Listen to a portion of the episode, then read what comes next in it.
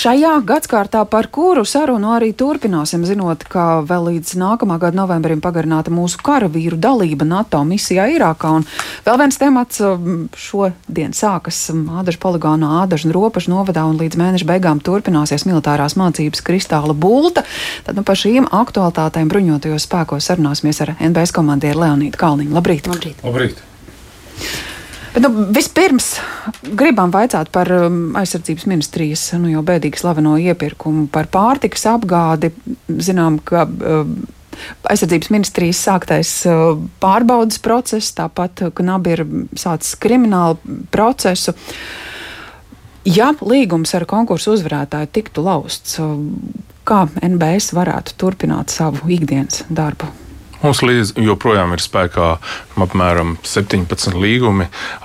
Tās ir tādas vispārējās vienošanās, kuru ietvaros nav noteikts šajos līgumos līguma darbības beigu termiņš. Tas nozīmē, ka jebkurā gadījumā mums ir rezerves variants, kad mūsu ēdnīca bez pārtiks nepaliks. Līdz ar to jautājumu nav radušies, piemēram, arī tiem sabiedrotiem, kas pie mums uzturas. Nē, protams, nē. Mēs nodrošinām vienlīdzīgi gan mūsu karavīrus, zemesargus, gan arī sabiedrotos esošo līgumu ietvaros. Bažu, ka varētu būt kādas problēmas šai sakarā, nav nekāda. Nē, mēs esam ļoti elastīgi un reaģēsim ātri. Šodien tātad sākas militārās mācības Kristāla Bulta. Ko varat eh, par tām teikt, kas būtu jāzina civiliedzīvotājiem, cik tās būs apjomīgas? Nu, pirmkārt, civiliedzīvotājiem nevajag uztraukties. Un es domāju, ka mūsu sabiedrība ir jau zināmā mērā pieradusi, kad mums eh, notiek ļoti aktīva darbība Ādaša poligonā un ļoti aktīva eh, darbība visā Latvijas teritorijā, gan uz ceļiem, gan gaisa telpā. Tā darbība mums jau ir diezgan aktīva jau kopš 2014. gada, kad pakāpeniski mums Latvijā eh, lielākā skaitā uzrādās mūsu sabiedrotie.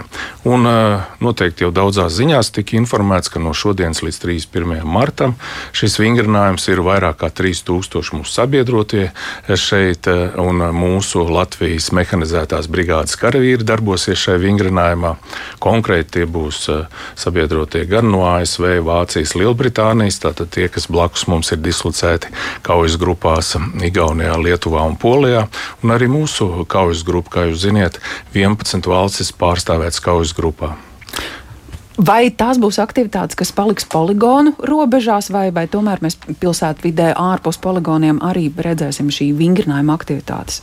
Nu, principā gan, gan, bet lielākā mērā tas būs ādažu poligonā, kur notiks uh, kaujas šaušana. Bet ko sabiedrība redzēs, tas ir pārvietošanās pa ceļiem un gaisa telpā. Tad, tad no Igaunijas ieradīsies Lielbritānijas uh, karaspēka vienības un Vācijas karaspēka vienības no, uh, po, no Lietuvas un no Polijas ASV. ASV.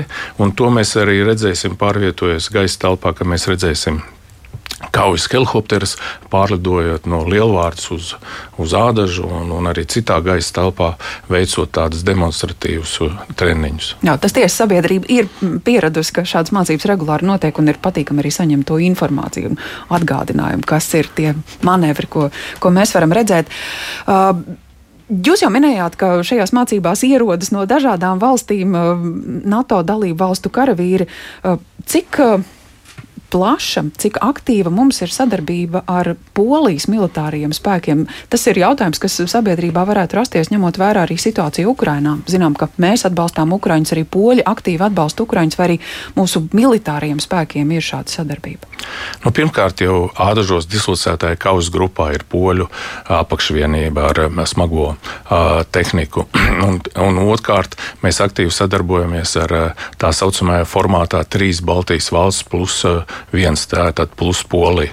Mēs eh, kopīgi darbojamies eh, vingrinājuma organizācijā, mēs eh, kopīgi sadarbojamies būvējot mūsu aizsardzības plānu visā Baltijas reģionā.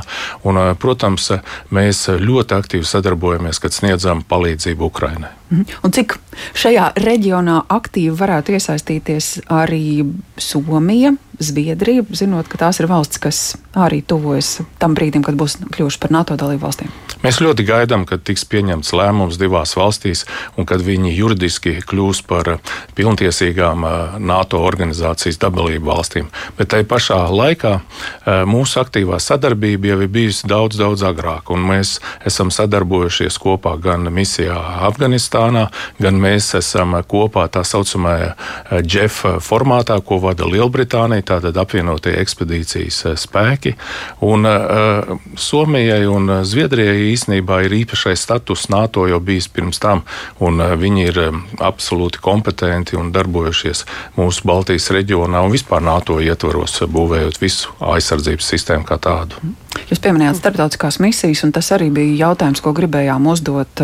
Nu, ziņās izskanēja atgādinājums 20 gadu aprit kopš ASV sāka karu pret Sadamu Huseina režīmu. Cik daudz Latvijas pārstāvju aizvien vēl ir starptautiskajā misijā Irākā? Kādi ir viņu pienākumi tur? Šodien Eh, mums eh, Irākā atrodas viens vats, tas ir apmēram 30 karavīri. To nodrošina Latvijas zemesardze. Mēs darbojamies Dānijas kontingenta sastāvā, lai nodrošinātu apmācību procesu tieši Irākas bruņotajiem spēkiem. Un eh, šī dalība ir tā saucamā trīs Baltijas valstu dalība Dānijas kontingenta sastāvā uz rotācijas principu. Tas nozīmē, viena rotācija ir Latvija, nākošā ir Lietuva un trešā ir Igaunija. Un tagad, dotajā momentā, ir Latvijas rotācija, un viņi tur ir ieradušies un uh, pildīs uh, līdz šīs uh, vasaras vidum savus uzdevumus. Un tā nepieciešamība tur palikt, cik ilgi vēl varētu būt starptautiskiem spēkiem? Tā, tā ir atkarīga pirmkārt ir no Irākas valdības lēmuma. Mēs tur atrodamies tikai pa, tāpēc, ka Irākas valdība mūs ir uzaicinājusi. Mēs paši neesam tur uzstājuši, un viņi ir ieinteresēti, lai nodrošinātu Irākas bruņoto spēku dažādu specialitāšu apmācību un treniņus. Mm, cik daudz mūsu bruņoto spēku pārstāvju ir vēl kādās starptautiskās misijās? Kopumā mums eh, starptautiskās misijās uz šodienu ir līdz 200 karavīri. Lielākā misija mums ir Kosovā, kur ir uh, rota plus, tas ir apmēram līdz 140 karavīri. Tad mums ir, ir misija nu, citās valstīs, kas nodrošina visus šos te, um, pasākums, kur ir pieņemti lēmumi gan apvienotajās nācijās, gan uh, Eiropas Savienības militārajā misijas un, un protams, NATO misija. Mm. Tepat pie mums eh, mēs eh, nu, jau zinām, ka Sēlijā top eh, tapas militārā bāze. Kā tur sokas ar darbiem, kad ir plānots tos pabeigt un kad mēs jau varētu tur redzēt kādu aktīvāku Jā. kustību? Ka mācības ne tikai Ādažos, bet šajā, kas, kas mēs būs patiesi liela bāze.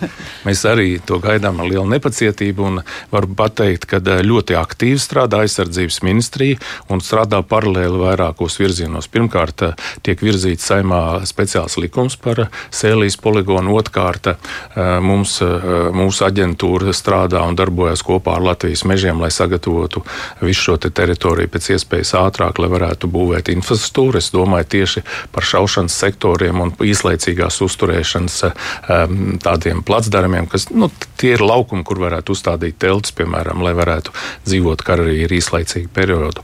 Un, ir izstrādāts un apstiprināts skiču projekts, un šeit mēs aktīvi sadarbojamies un smeļamies arī savu pieredzi no Mičiganas Nacionālās gvardas, kur arī piedalījušies ir šī skiču projekta izstrādē un verifikācijā.